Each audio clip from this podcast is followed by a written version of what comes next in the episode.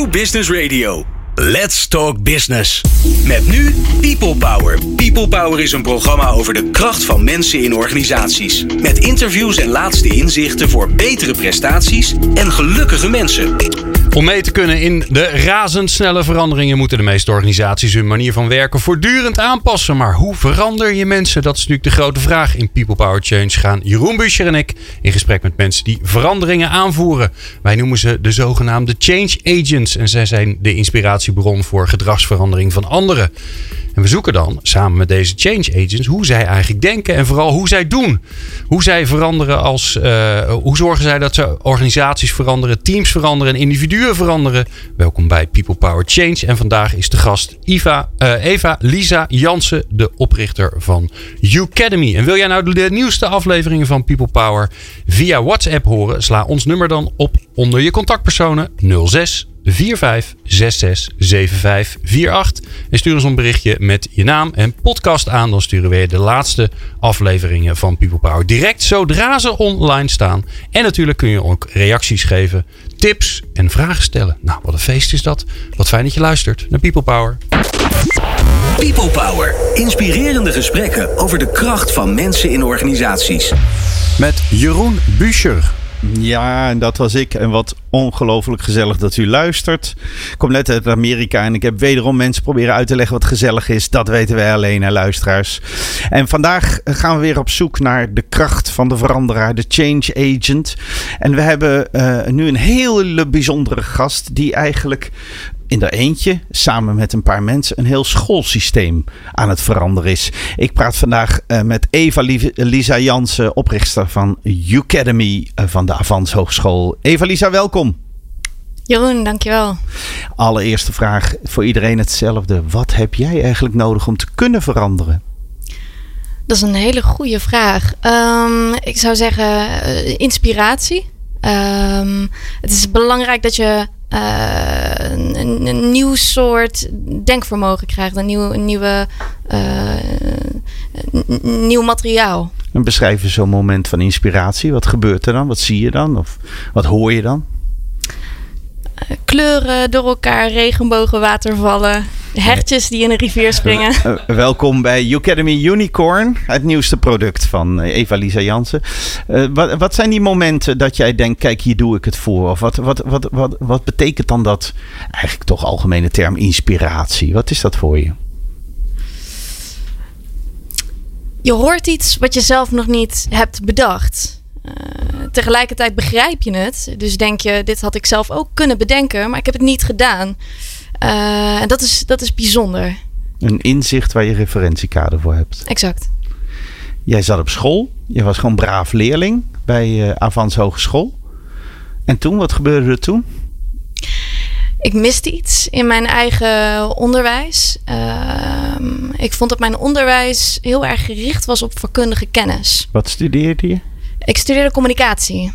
En dat is al gek eigenlijk. Hè? Dus je studeert een studie communicatie. Dus je denkt, nou, dat zal wel erg gefocust zijn op soft skills. En uh, uh, wie komt er door de deur? Uh, zoals jij zelf ook altijd zegt. Welke kleur breng ik aan tafel? En ik merkte dat dat eigenlijk juist niet zo was. Maar dat we drie keer een boek door moesten lezen. En daarop getest werden. En voor mij klopte dat niet. En, en dat klopte niet, want jij dacht: als ik die boeken ken, dan ben ik nog geen, steeds geen communicatiedeskundige. Zo is dat. En wanneer word je dat wel? Een communicatiedeskundige word je door mensen te begrijpen. Uh, ik geloof dat jij het was die eens zei: het actief, actief achterhalen van andermans motieven en die jouw eigen maken. Zodat je niet alleen begrijpt wat er in iemand anders gebeurt, maar ook daadwerkelijk ervaart wat er in iemand anders gebeurt. Ik zal het maar zeggen, luisteraars. Wij doen vandaag een recordpoging voor het World Guinness Book of Records.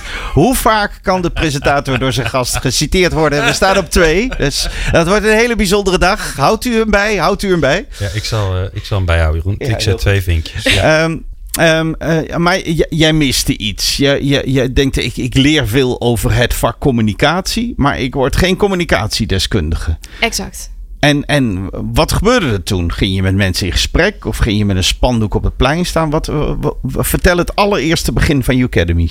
Nou, wat ik merkte was dat ik het eh, niet eens vond kloppen dat ik louter als een communicatiedeskundige eh, werd opgevoed, quote unquote, door een school. Ehm, ik, ik, ben, ik ga niet naar school om eh, louter een vak te leren. Ik ga naar school omdat die moet dienen als een experimentruimte. Waarin ik met vallen en opstaan kan leren hoe ik een wereld straks moet gaan leiden en vormen en hervormen. Dus, dus meer dan de vakmatige kennis. Ook de ontwikkeling van jou als deskundige, als mens, als professional. Juist, ja. En, en wat gebeurde er toen? Toen dacht je, ik ga eens beginnen. Of raak, je begon met studenten te praten of met docenten. Hoe, hoe was het begin? Ja, ik begon daar met studenten over te praten en merkte dat die houding die ik dus had, een soort kritische houding tegenover het schoolsysteem, eh, met heel veel studenten gedeeld wordt. Eh, interdisciplinair. En dat betekende dus dat het niet alleen eh, in mijn eigen vakgebied op deze manier werkte en dat het dit gemis heerste op mijn eigen vakgebied, maar eh, op, een, op een interdisciplinaire basis. Dus bij veel meer eh, vakgebieden dan mijn eigen. Om mijn gast dan een keer te citeren. Ik hoorde Eva-Lisa Jansen ooit zeggen, ik leer hier maar de helft. Jongen, jongen. Moet ik dat nou ook nog bij gaan houden, Jeroen, of niet? Ja, het wordt een Oké, competitie. dus dan is het dus de presentator die quote de gast. Die, eh, ja, ik heb hem, ja, ik heb hem staan. Ik leer maar de helft. Ik leerde maar de helft. Ja, dat klopt. En de helft was dat vak wat de school je aanbood? Juist. Eh, en er, En- Zijn, er zijn studenten die de andere helft zoeken in reizen. Er zijn studenten die de andere helft zoeken in eh, vriendschappen en relaties. Die dat thuis bijgebracht wordt. Eh, maar ik wilde dat op school leren. Of ik wilde in ieder geval de mogelijkheid hebben om het ook op school te leren. En hoe noem jij die nieuwe helft, die andere helft die jij niet door de school kreeg aangeboden, maar die jullie zelf zijn gaan organiseren? Wat leerde je daar dan? Wat, wat, wat was de naam van die helft? De term die wij zelf hebben geadopteerd is Bildung. En dat is een oud Duitse term, eh, uitgevonden of gebruikt door Wilhelm van Humboldt eh, in de 18e eeuw. En het gaat over de menselijke vorming. En los van, van die term, de menselijke vorming, is er eigenlijk geen breed Nederlands geaccepteerde term die gebruikt wordt. Dus wij gebruiken die oude Duitse term Bildung. En dat gaat over de menskant van jou, hoe je kijkt, hoe je denkt. En de vorming, Oké. Eh, Bildung is van oudsher ook algemene ontwikkeling. Zo eh, dat je een beetje. Is het dat ook? Of, of hebben je er een nieuwe inhoud aan gegeven? Nee, wij adopteren inderdaad de, de ehm, eh, definitie eh, identiteit en wereldwijsheid. Oké, en je had het gevoel, ik leer hier een vak. Maar ik leer geen identiteit te zijn en ik leer niet wereldwijs te worden. Exact. En wat zijn jullie toe gaan doen? Eh, nou, we hebben dus een clubje opgericht, want wij dachten, Ik wilde beide een oud liedje uitbarsten, maar dan wordt het al te lollig. Ja, ga door. We hebben een clubscope opgericht, ja, en toen? we zijn eh, bij elkaar gekomen eh, in, de, in de koffiezaakjes, in de antikraakpanden, in de studentenhuizen. Eh, en wij zijn gaan kijken, wat zijn dan die vakken die wij missen? Wat zijn onderwerpen waar we elke dag mee te maken krijgen? En waar we straks elke dag mee te maken krijgen hè, in de toekomst. Maar waar we eigenlijk nooit lessen over krijgen. Wij zijn die onderwerpen gaan identificeren. En na een tijdje hadden we zoiets van, weet je wat? Wij gaan gewoon lesgeven. Eh, dus toen hebben we de eh, klaslokalen opengetrokken. En we zijn daar zelf gaan staan, gaan lesgeven. En, en, en noem eens een voorbeeld. Want eh, identiteit, wereldwijsheid, daar hebben we allemaal beelden bij. Maar volgens mij als je een voorbeeld geeft, dan, Ja, dan snap ik het beter. abstract. Ja, exact. Eh, een van de eerste vakken eigenlijk waar we mee kwamen was macht. En dan heb ik het over ehm, globale machten. Welke globale machten heersen er nou en waarom? Eh, maar ook op heel persoonlijk niveau. Dus Mhm. welke eh, machten spelen er tussen mij en mijn ouders, mij en mijn vrienden, mij en mijn relatie. Eh, maar zelfs eigenlijk tussen jou en mij op dit moment is er een vorm van machtsdynamica. Al is het alleen maar wie er aan het woord is. En het is Ja. heel belangrijk om daarmee te leren omgaan op een hele constructieve en empathische manier. En dat gebeurt niet. En neem de luisteraars bij de hand. Hoe zou jou dat als communicatiedeskundige kunnen helpen? Eh, en dan het voorbeeld macht. Ja. Ehm, organisaties zijn heel politiek vaak ingericht. je hebt te maken met directe boodschappen. En daaronder zo'n 100.000 onderliggende boodschappen. Belangen die spelen. relaties die je nog niet inzichtelijk hebt. en het is heel belangrijk om Ehm, daar goed mee te kunnen omgaan. En zoals ik zei, om een constructieve en empathische houding aan te nemen. En als je er niet over geleerd krijgt, dan is het heel erg moeilijk om dat zelf te gaan ontdekken. Het kan wel, maar het is heel lastig. En jullie gingen zelf lesgeven. Wat ging je doen? Research, PowerPoint en dan een verhaal vertellen? Of werden ook de manier hoe jullie elkaar les gaven? Want je gaven elkaar als leerlingen les, zou je kunnen zeggen. Ja. Was dat anders dan het type les wat je kreeg op Avans Hogeschool? Ja, wij, uh, wij deden dus twee nieuwe dingen, zo moet je het eigenlijk zien. Eén is inhoud. En dat gaat dus over hè, de hele beelddoen gedachten en die uitdragen. Ja. Um, en het andere was proces. En dat gaat eigenlijk over de manier van het ervaren van iets leren. En zoals ik zeg, uh, echt het ervaren van iets leren. Dat stelden wij eigenlijk centraal. Dus wij vonden het belangrijk dat jij niet alleen les krijgt uit een boek. Dat wij niet alleen uh, gaan googelen wat voor theorieën kunnen wij vinden over macht. Dat kan iedereen. Maar dat we daadwerkelijk een stap verder doen en jou laten voelen. Wat betekent macht dan? Om een voorbeeld te geven. Wij dachten, wat is het extreemste wat je zou kunnen doen? Nou, misschien ben je bekend met het Zimbardo-experiment. Uh, Stanford Prison, waarin studenten werden opgesloten in kelders uh, de helft werd bewaker, cipier en de helft werd gevangene. Dat experiment is helemaal uit de hand gelopen. Uh, en die machtsverhoudingen werden zo intens. Dat het experiment na vijf dagen moest worden afgelast. Iets wat veertien dagen zou moeten duren. Nou, dat kunnen we niet doen. Wat kunnen we dan wel doen? Een paar stapjes terug. We kunnen bijvoorbeeld ervoor kiezen om een secte op te richten met je klas. en daarbij regels te maken met zo'n groep, een leider aan te wijzen, een vlag en een uniform te maken. Uh, en studenten die zich daar echt aan moeten houden, zodat je voelt wat doet zo'n situatie met mij? Waar voel ik me ongemakkelijk bij? En waarom? En wat voor manieren van censuur worden hier opgelegd? En hoe kan ik dat soort in een abstracte vorm zien in de rest van de wereld, in Eritrea of in Noord-Korea. En wat betekent dat dan? Wij praten met Eva-Lisa Jansen, een van de initiatiefneemsters van Academy. Een uh, ondertussen gesubsidieerd onderdeel van de Havans Hogeschool. En uh, na deze opzwepende muziek praten we met elkaar verder hoe zij als change agent dat allemaal voor elkaar heeft gekregen. People Power. Inspirerende gesprekken over de kracht van mensen in organisaties. Ja, welkom terug. We zijn hier nog steeds bezig bij People Power Change om met een change agent te praten. En wat voor change agent? Iemand die samen met collega's het schoolsysteem in Nederland aan het omvergooien is. Uh, je, je, uh, Eva-Lisa Jansen, je bewering uit het eerste kwartier was... wij leren op school maar de helft. Namelijk de instrumentele kennis, om het maar even zo samen te vatten. Maar uiteindelijk wordt die, uh, die, die instrumentele kennis gebracht worden door een mens. Die moet begrijpen hoe zijn omgeving werkt. Die moet zichzelf ontwikkelen door jullie gedoopt Bildung. En jullie begonnen je eigen Bildungsschool, je Academy genaamd. Vertel mij eens even, jullie zaten daar in die anti-kraakpanden. Zaten jullie bij elkaar? Ja, ik voel me heel oud, luisteraars, ineens. Anti-kraakpanden. En, ehm, en, ja, en jullie hadden een idee. Wij beginnen een Academy. Jullie begonnen elkaar les te geven.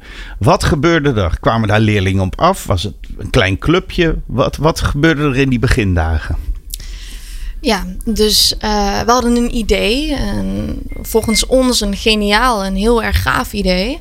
Uh, doch een vrij onmogelijk idee. Want je hebt te maken met studenten die al ongelooflijk onder druk staan hè, met het huidige educatieve systeem. Uh, die zelf al lessen gaan volgen. En wij dachten, wij gaan, wij gaan extra lessen geven. Dus we gaan het schoolsysteem niet vervangen, maar aanvullen. We dachten, ja, hoe gaan we inderdaad die studenten eigenlijk nog meer in de klas krijgen? Uh, maar goed, je hebt, je hebt gewoon een goed verhaal. Dus je stapt op studenten af, uh, waar je ze maar kan vinden. In de, in de discotheken, op straat, uh, in de schoolhallen, um, op internet. Vrienden van vrienden van vrienden. Vrienden van vrienden van vrienden. Um, en ja, je gaat het plannen en de klaslokalen zitten vol. Ja, jullie kregen meteen veel mensen in het programma? Ja, Direct, ja. Ook een beetje naar onze verbazing. Want wij wisten dus helemaal niet of het zou werken wat we aan het doen waren. Uh, dus het was voor ons eigenlijk ook één groot experiment. Maar jullie hadden geen geld, jullie hadden er eigenlijk ook geen tijd voor. Ging dat ook in die anti-kraakpanden of ben je meteen de school gaan gebruiken? Ja, we zijn direct de school gaan gebruiken. Ja, we hebben gewoon de klaslokalen opengetrokken. Uh, en we zijn, we zijn daar gewoon voor de klas gaan staan. Hoe, begon, hoe reageerde de school? Uh, we werden quote-unquote op het matje geroepen door Paul Ruup. Uh, dat is de algemeen directeur van Avans Hogeschool. Piep die naam straks even weg, uh, Glenn. Bedoel je Paul Ruup? Ga door, Paul Ruup. En die zei: Jongens, wat zijn jullie aan het doen? jullie zijn aan het lesgeven in mijn school, maar dat doe ik al. Dus hoe zit het? En we zijn hem gaan uitleggen: joh, we missen de helft. En we zijn hier niet om uh, het huidige schoolsysteem af te breken, maar we zijn hier om het aan te vullen. Want als je iets mist, dan kun je drie dingen doen. Je kan je schouders ophalen, oké, whatever, zoals de meeste studenten doen. Uh, je kan gaan ribbeleren, zoals de Maagdenhuisbezetting in 2015 in Amsterdam. Maar zoals we nu weten, dat werkt ook niet. Of je kan gaan creëren, iets nieuws gaan maken. En hij zag dat wel zitten. Dus hij zei inderdaad tegen ons: uh, ga het maar doen. Uh, ga het maar uitvoeren. Uh, en wij supporten dit. Hoe reageerden docenten? Eigenlijk alom positief. Herkenden die het, het gemis? Die kwamen in onze klassen zitten. Die gingen meedoen? Die gingen meedoen, ja. En dan heb je hele interessante verhoudingen. zoals hoe ik smiddags bij mijn docent les aan het volgen was. En s'avonds zat hij in mijn klas en was ik hem les aan het geven. En, en was het geheim ook wat je voor de muziek ook al vertelde, dat je ook in de vorm experiment, eh, experimenteerde? Dus het was enerverend, het waren bijzondere vormen die jullie gebruikten. Spelen, interactief. Maakte dat ook dat het, dat het in die zin ook mensen trok, gewoon omdat het leuk was? Zeker, ja. Dus het was, het was een avontuur, het was een experiment. Je internaliseert het geleerde. Uh, veel gemakkelijker. Maar het is ook een vorm van kwetsbaarheid en veiligheid.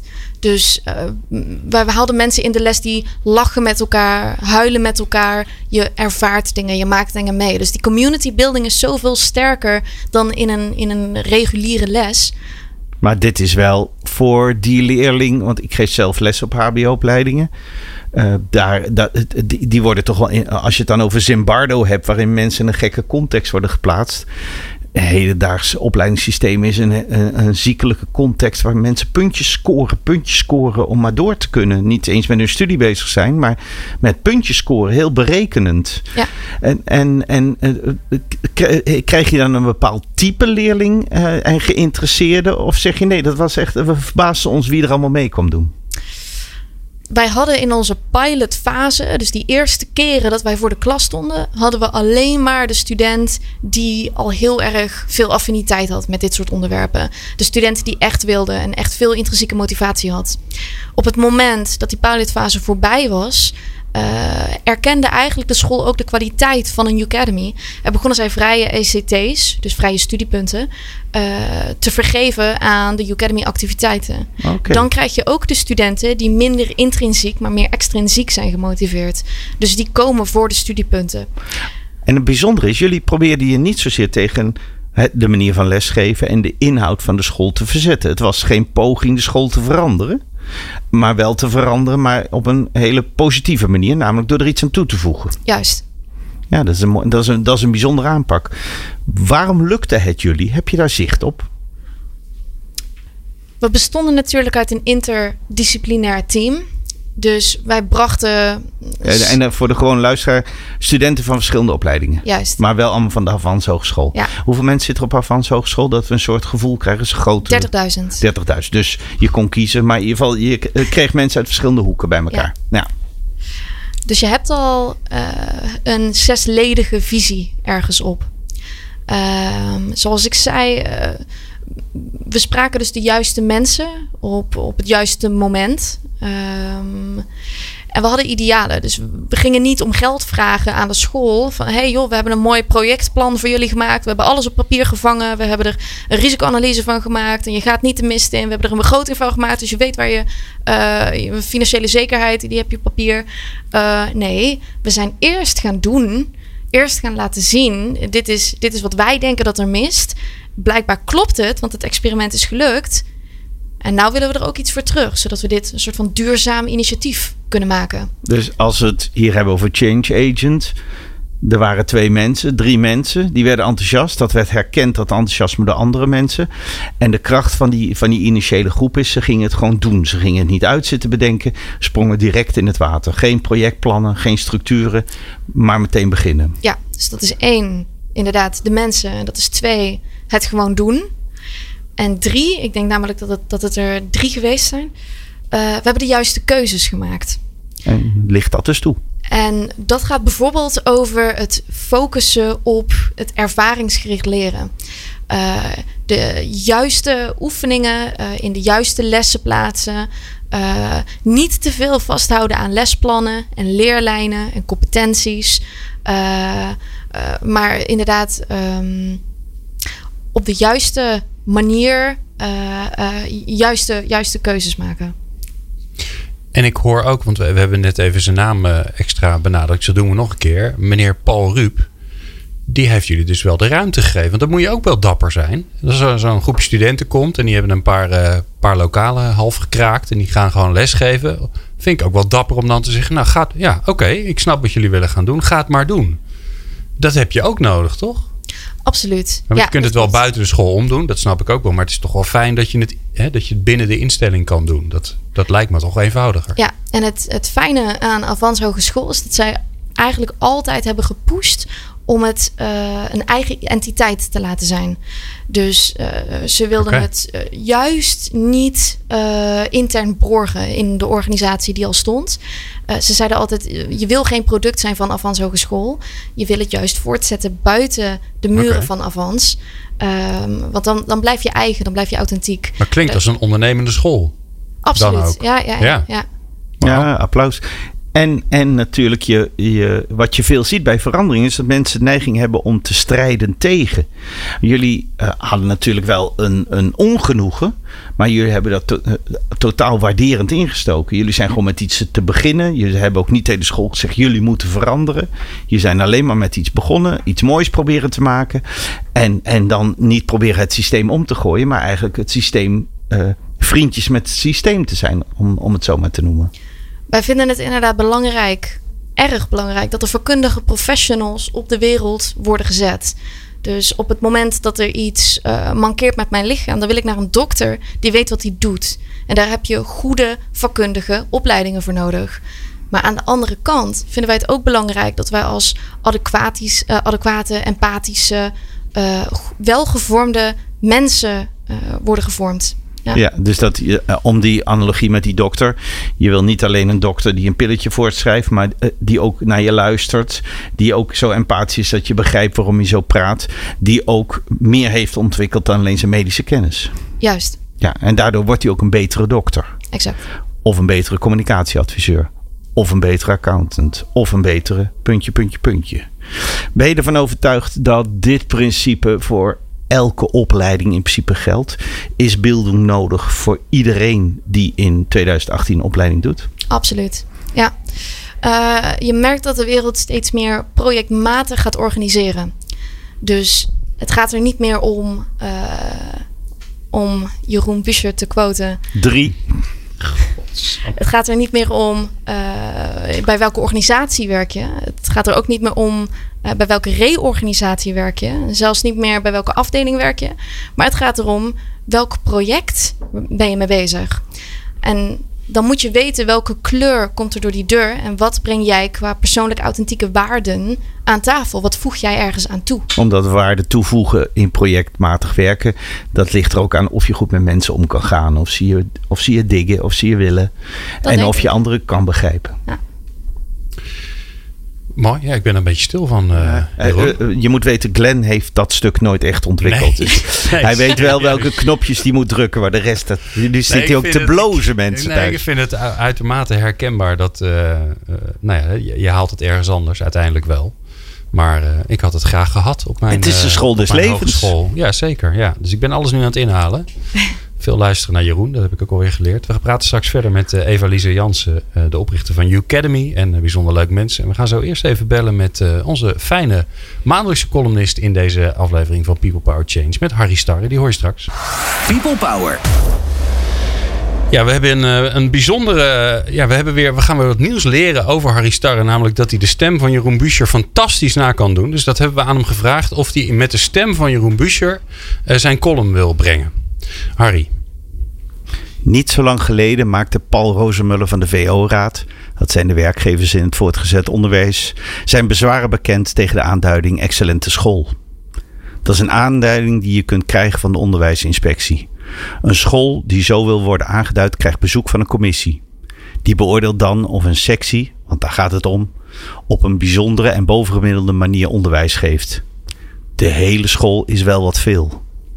Rozemuller noemt de term verwarrend. Ook omdat scholen die de term niet dragen, de ouders meteen als minder goed worden gezien. Een conclusie die lang niet altijd juist is. Rozemuller mist een belangrijk punt. De manier waarop excellentie wordt vastgesteld gaat ervan uit dat experts het beste oordeel hebben. Zij die weten wat goed onderwijs is. De hote methode. Bij Michelin zijn dat culinaire specialisten die weten wat goed is. Eten is hun vak. Wij gewone stervelingen eten maar wat. Nu wil ik aan die deskundigheid van de experts niets afdoen, maar echt van deze tijd is het niet. Het doet me te veel denken aan het jaarlijkse beoordelingsgesprek. Dat hopeloos gesprek dat vaak werd uitgesteld en dat voor menigeen uitliep op een teleurstelling. Want echt gezien werd je niet. Om over beloning maar niet te spreken. Top-down. Het woord zegt het eigenlijk al. De nieuwe manier is die van Zoever, TripAdvisor, van Uber Airbnb en Booking.com. Het is de opgetelde score van klanten vooral. En als de uitvoerders het goed doen en volgens de regels van het spel van alle betrokkenen. Airbnb doet dat bijvoorbeeld heel goed, al blijft vast spelen altijd mogelijk, maar dat geldt voor elk spel. Zo zou het ook voor scholen kunnen. Eindelijk gerechtigheid. Niet alleen de leerlingen een cijfer geven, maar ook de leraar in zijn lessen. Niet alleen de directeur het woord geven, maar ook zijn volgzame gehoor een stem geven. En het allemaal met de smartphone. Die is toch bij de hand. Daar komt vanzelf een rating uit. Dan kunnen die deskundigen weer echt aan de slag en de helpende hand uitsteken. En hun oordeel thuis laten. Dan kunnen de commissies naar huis en de presentiegelden in de pot blijven. Dan kan de verwarring stoppen of het vak of de school beoordeeld wordt. En dan kan net als bij Airbnb en Booking.com de waardering gestaag omhoog. Want wie niet wint, is af. Het beoordelingssysteem van de gebruikerskring werkt als een dolle. De aanbieders kijken af. Ze nemen elkaars verbeteringen over en de kwaliteit van de dienstverlening gaat met sprongen omhoog. Het is gebaseerd op de wisdom of the crowd. Het is de optelsom van echte ervaringen. Zeker. Je wordt kwetsbaar en rusteloos, maar ook krachtiger als je tenminste mee wil blijven doen. Real time. En er zit niemand tussen. Het is meer dan tellen. Het is ook vertellen. Toelichtingen die het verhaal vertellen en de ervaring delen. Voor ik naar een Airbnb-bestemming ga, lees ik de reviews. Daar zijn ze voor bestemd. Dit zou mijn voorlopige conclusie zijn. Als het om excellentie gaat, komen we er zelf al uit. Want het gaat om professionele organisaties. Dat zijn organisaties waar de basis de baas is. En de top, die moet zorgen dat het zo blijft. En waar het nog ontbreekt, dat het zo wordt. Mensen komen er zelf al uit. Daar hebben ze geen inspectie en ook geen VO-raad voor nodig. Maar een systeem dat leerlingen, ouders en leraren een stem geeft. Daar zijn de onderwijsinspectie en de VO-raad niet voor nodig. Hun bijdrage niet in de weg gaan staan. Ja, prachtig. Hartstikke mooi. U hoorde naar de zoetgevoelige stemgeluid van Jeroen Buescher. Van Harry Starre. Die, uh, die, die de column van Harry Starre voorlas. Want Harry die, uh, die was wat anders aan het doen. Die zat even in de trein en dat, uh, dat, dat belt zo lastig. Ik vond het weer fantastisch. Toch Jeroen? Dankjewel, Harry ja, Starre. Dankjewel Harry. Volgende maand weer. People Power. Inspirerende gesprekken over de kracht van mensen in organisaties. Ja, En geweldig dat u nog steeds luistert. Maar ik vind het ook terecht. Ik vind het zelf razend interessant. Hoop ik maar dat u dat ook vindt. We zitten hier met Eva-Lisa Jansen. Zij is een van de initiatiefnemers van de uh, Academy, van de Avans Academie. Een, een door studenten gestart, door studenten gedragen. En, uh, en het bijzondere conclusie van het vorige blok voor mij was. Uh, wel vanuit een onvrede van de opleiding, maar niet als verzet. We laten er gewoon een bloemetje naast bloeien. En het gekke is, het systeem komt niet in opstand. Maar het systeem zegt wat fantastisch, want het systeem voelt zich niet aangevallen. Nog sterker, het systeem gaat je zelfs helpen. Eigenlijk een vraag. Misschien zeg je, nou daar voel ik me geen deskundige in. Je hebt wel communicatie gestudeerd. Is dit eigenlijk een manier als je deze structuur volgt, hoe je verandering in hedendaagse professional organisaties zou moeten aanpakken. Niet iets doorbreken of iets kapot maken, maar iets moois ernaast laten groeien. Ik denk dat dat soms helpt. Ja, maar zeker, zeker niet altijd. Um, ik denk dat Hè, zeker voor dit specifieke vraagstuk, als jouw medewerkers iets missen, of als jouw organisatie iets mist. Een marktkans. Exact. Ja, dan is het natuurlijk fantastisch om er iets naast te gaan zetten. Ja, absoluut. Dan hoef je niet die hele koers te gaan wijzigen. Want het probleem is natuurlijk vaak dat op het moment dat je een systeem probeert te veranderen, komt het systeem in opstand. Want je komt zelf in opstand, dus wordt er teruggevochten. En dat zie je veel bij innovatietrajecten of bij innovatie. Dat de organisatie steeds meer een hoge modderpoel wordt. Ja, maar ik hoor jou heel erg uh, top-down praten. Dus als, alsof een manager iets bedacht heeft en dat wil gaan doen. Dus dat je eigenlijk al automatisch te maken hebt met verzet. En de kracht van ons initiatief zit er natuurlijk ook in dat dit door studenten is opgezet. Ja, dus um, absoluut hebben medewerkers fantastische ideeën. Uh, en ik denk dat waar organisaties, als het gaat om verandermanagement, zich op moeten focussen, is om een soort vergaarbak, om, om een soort van experimentruimte te creëren, zoals die Google 20% regel. Uh, zodat medewerkers ook iets nieuws kunnen maken of een gemis kunnen vervullen. Ja, in hoeverre heeft het jou gevormd? Want je, je, je hebt gestudeerd, je, je hebt ook je eindexamen gehaald, hoewel je druk was met Academy. Ja. Heeft het jou een ander mens gemaakt? Zeker weten. Kan je vertellen aan de luisteraar in welk opzicht? Als student sta je absoluut niet met beide benen. Je praat nu als consument eigenlijk hè, van Academy. Dus hoe Niet als oprichter. Nou, uh, uh, praat door. Praat door. We zien wel waar we komen. Praat Ze is het allebei. Dat is natuurlijk ingewikkeld. Ja. Ze heeft alle rollen maar gewoon in Misschien is dat juist wel het nieuwe. Ik heb twee petten op. Ja. ja vijf. vijf petten op. Ja, toch? Ja, of één nieuwe pet. Ja, je bent ondernemer, je bent student, je bent, je bent docent. ja. Uh, klopt, ja, ja. Heeft het jou veranderd? Ja, absoluut. Uh, als, als student sta je niet met, met twee benen in de wereld. Uh, en, en als oprichter zeker wel. En zelfs als je voor de klas staat, um, dan, dan heb je zo'n kwetsbaarheid. Die is zo hoog. Kudos voor alle docenten die er zijn. Uh, want het is, het is heel moeilijk en, en, en je hebt veel energie nodig. Um, uh, dus dus je, on, je ontwikkelt eigenlijk gewoon een veelvoud aan skills en aan competenties. Uh, en, en ook dingen waar je eigenlijk zelf nooit aan hebt gedacht. Maar in één keer bevind je je in een positie en denk je: oh goh, wat, waar ben ik eigenlijk? Wat is er veel veranderd? Je wordt, veel, je wordt over jezelf aan denken gezet. Zeker. En je wordt ook van hot naar her geslingerd. Ja. Uh, en ik denk dat dat de hele bedoeling is van een Academy. En die verwarring moet je aankunnen en aandurven. Ja, en het vertrouwen hebben in anderen, in jouw groep of in jouw trainer of in jouw uh, Academy-organisatie. Dat er mensen zijn die jou kunnen opvangen of begeleiden of faciliteren. Ja. Waar staan jullie nu als Academy? Uh, wij hebben een vliegende start gemaakt. Want eigenlijk vlak na onze pilotfase kwam uh, de Volkskrant ons op het spoor en vroeg: joh, mogen wij niet een artikel schrijven over wat jullie hier aan het doen zijn? Want wij vinden dat wel spannend. Nou, daar maakten wij natuurlijk dankbaar gebruik van. En uh, via Volkskrant kwam NOS en NRC ons op het spoor. Um, en vervolgens kregen we eigenlijk een veelvoud aan hogescholen en middelbare scholen over ons heen. Joh, dit willen wij ook adopteren. Wij willen ook een Academy op onze school. Uh, kunnen jullie dat regelen? Uh, en zo zijn we eigenlijk heel snel gegroeid uh, van één hogeschool, dus Avans, onze origineplek, naar vier hogescholen. en een hele hoop ad hoc beelding, consultaties of facilitaties. En op die scholen, wordt het daar ook gedragen door de leerlingen zelf? Ja. Dus uh, wat we nu proberen te organiseren in een, is een soort van doorstroomcircuit. Waarbij een hele sterke beelding community wordt gecreëerd. Uh, en waarbij het zichzelf ververst. Ja. Want, want volgens mij speelt eigenaarschap een cruciale rol. Dat mensen ja. niet uh, een curriculum volgen wat door anderen is bedacht. Ja. Maar dat ze zelf inspraak, maar ook zelf invulling geven aan het curriculum. We hebben een heel simpel proces uitgedacht. Wij gaan voor de klas staan en wij gaan iets leuks doen en iets leerzaams doen.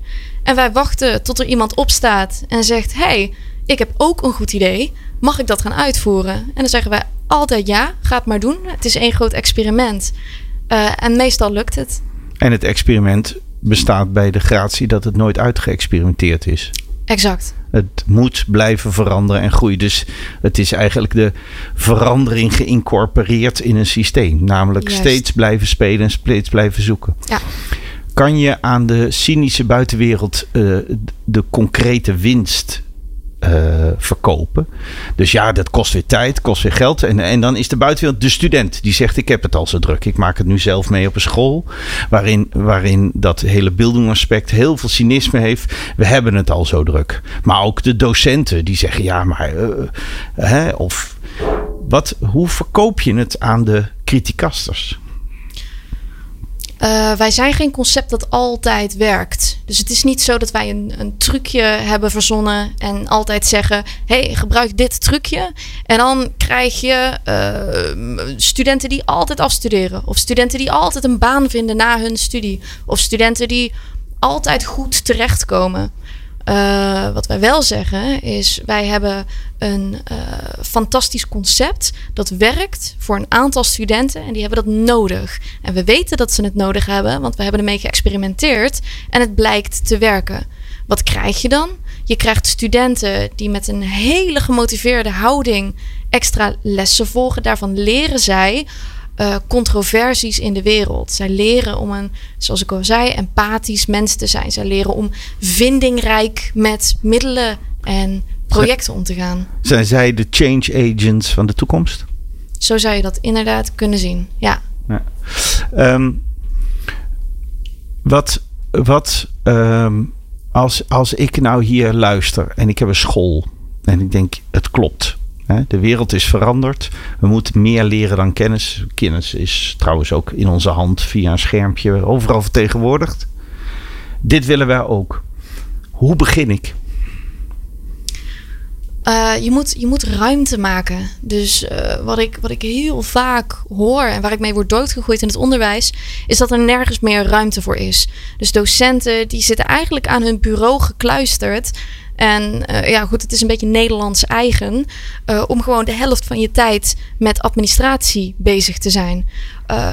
In mijn inziens klopt dat niet. Um, dus stop daarmee. Maak ruimte voor de dingen die er echt toe doen. Dus beelddoen dingen. En, en ga het verzinnen. Ga het gewoon uitvoeren. Of zoek inspiratie. Want er zijn genoeg initiatieven die zich nu bezighouden met beelddoen, zoals het onze. Uh, en ga er vooral op uit om dat soort inspiratie te ontdekken en naar binnen te halen. Uh, en dan zelf uit te gaan voeren. Ja, het lijkt wel of we een script hebben geschreven, want we eindigen met het woord uh, waar je mee begon: inspiratie. Kan jij ons, met ons delen wat het moment is wat je hebt meegemaakt in Academy waarvan jij dacht: ja, dat was nou een inspirerend moment. Die les of die gebeurtenis. Wat gebeurde er toen? de eerste keer dat wij les gaven, uh, wisten we dus niet waar dit hele experiment heen ging. En we hadden een les gepland en we wisten eigenlijk niet eens of er één student zou komen. En niet alleen kwam er één student, uh, maar er kwamen er wel 25. En die studenten die vroegen allemaal ook aan hun trainers, aan de, aan de, aan de studenten die voor hen stonden, om langer te blijven, om nog even na te praten over de les.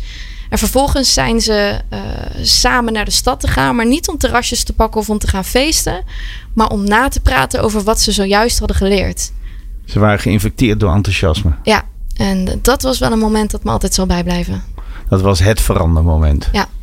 Dankjewel, Eva-Lise Jansen, een van de medeoprichters van Academy. Ja, en ik heb eigenlijk nog één, één aller, aller, aller, aller, allerlaatste vraag. Eva-Lisa. Um, wij zijn uh, bezig om uh, uh, in het volgende uur, laat ik eens bij beginnen. Daar hebben wij Wouter Koolmees opgenomen. Laat ik je heel eerlijk zijn. We zijn fijn naar Den Haag gegaan om met de minister van Sociale Zaken te praten. Wij zijn ook van plan om langs te gaan bij de minister van Onderwijs. Verantwoordelijk voor, voor beroepsonderwijs en universitair onderwijs.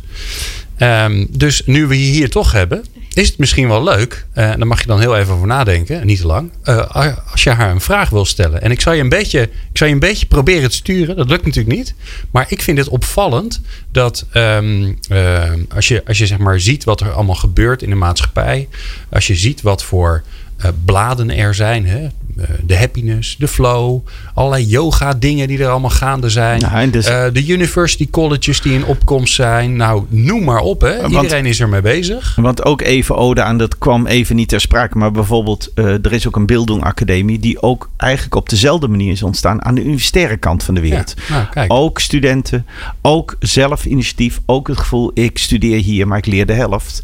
En, en echt op hetzelfde moment vrijwel ontstaan. Die hadden hier ook kunnen zitten voor de ja. Ja, nou, die komen dan gezellig een andere keer.